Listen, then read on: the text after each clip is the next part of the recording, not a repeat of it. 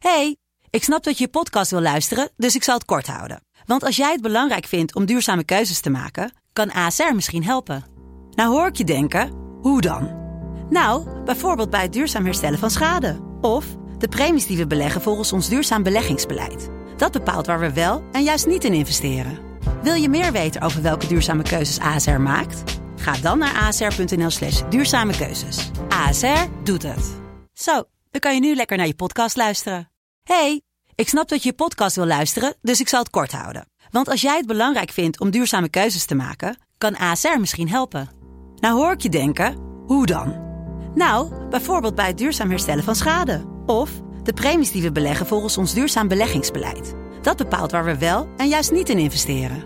Wil je meer weten over welke duurzame keuzes ASR maakt? Ga dan naar asr.nl slash duurzame keuzes. ASR doet het.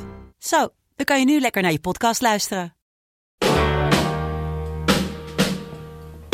Dit is Mand, de kortste podcast van Nederland. We zijn altijd bezig met het laatste van het laatste. René, eh, vandaag wil ik het gaan hebben over browliften. Maar waarom zou je dat doen? Waarom zou je je wenkbrauwen liften? Nou, kijk, eentje begint ermee en dan eh, gaan die anderen het ook doen. Waar zijn jouw wenkbrauwen eigenlijk? Nee, ik heb nooit wenkbrauwen gehad, dus het is niet dat ik daar zelf eh, onzeker over ben.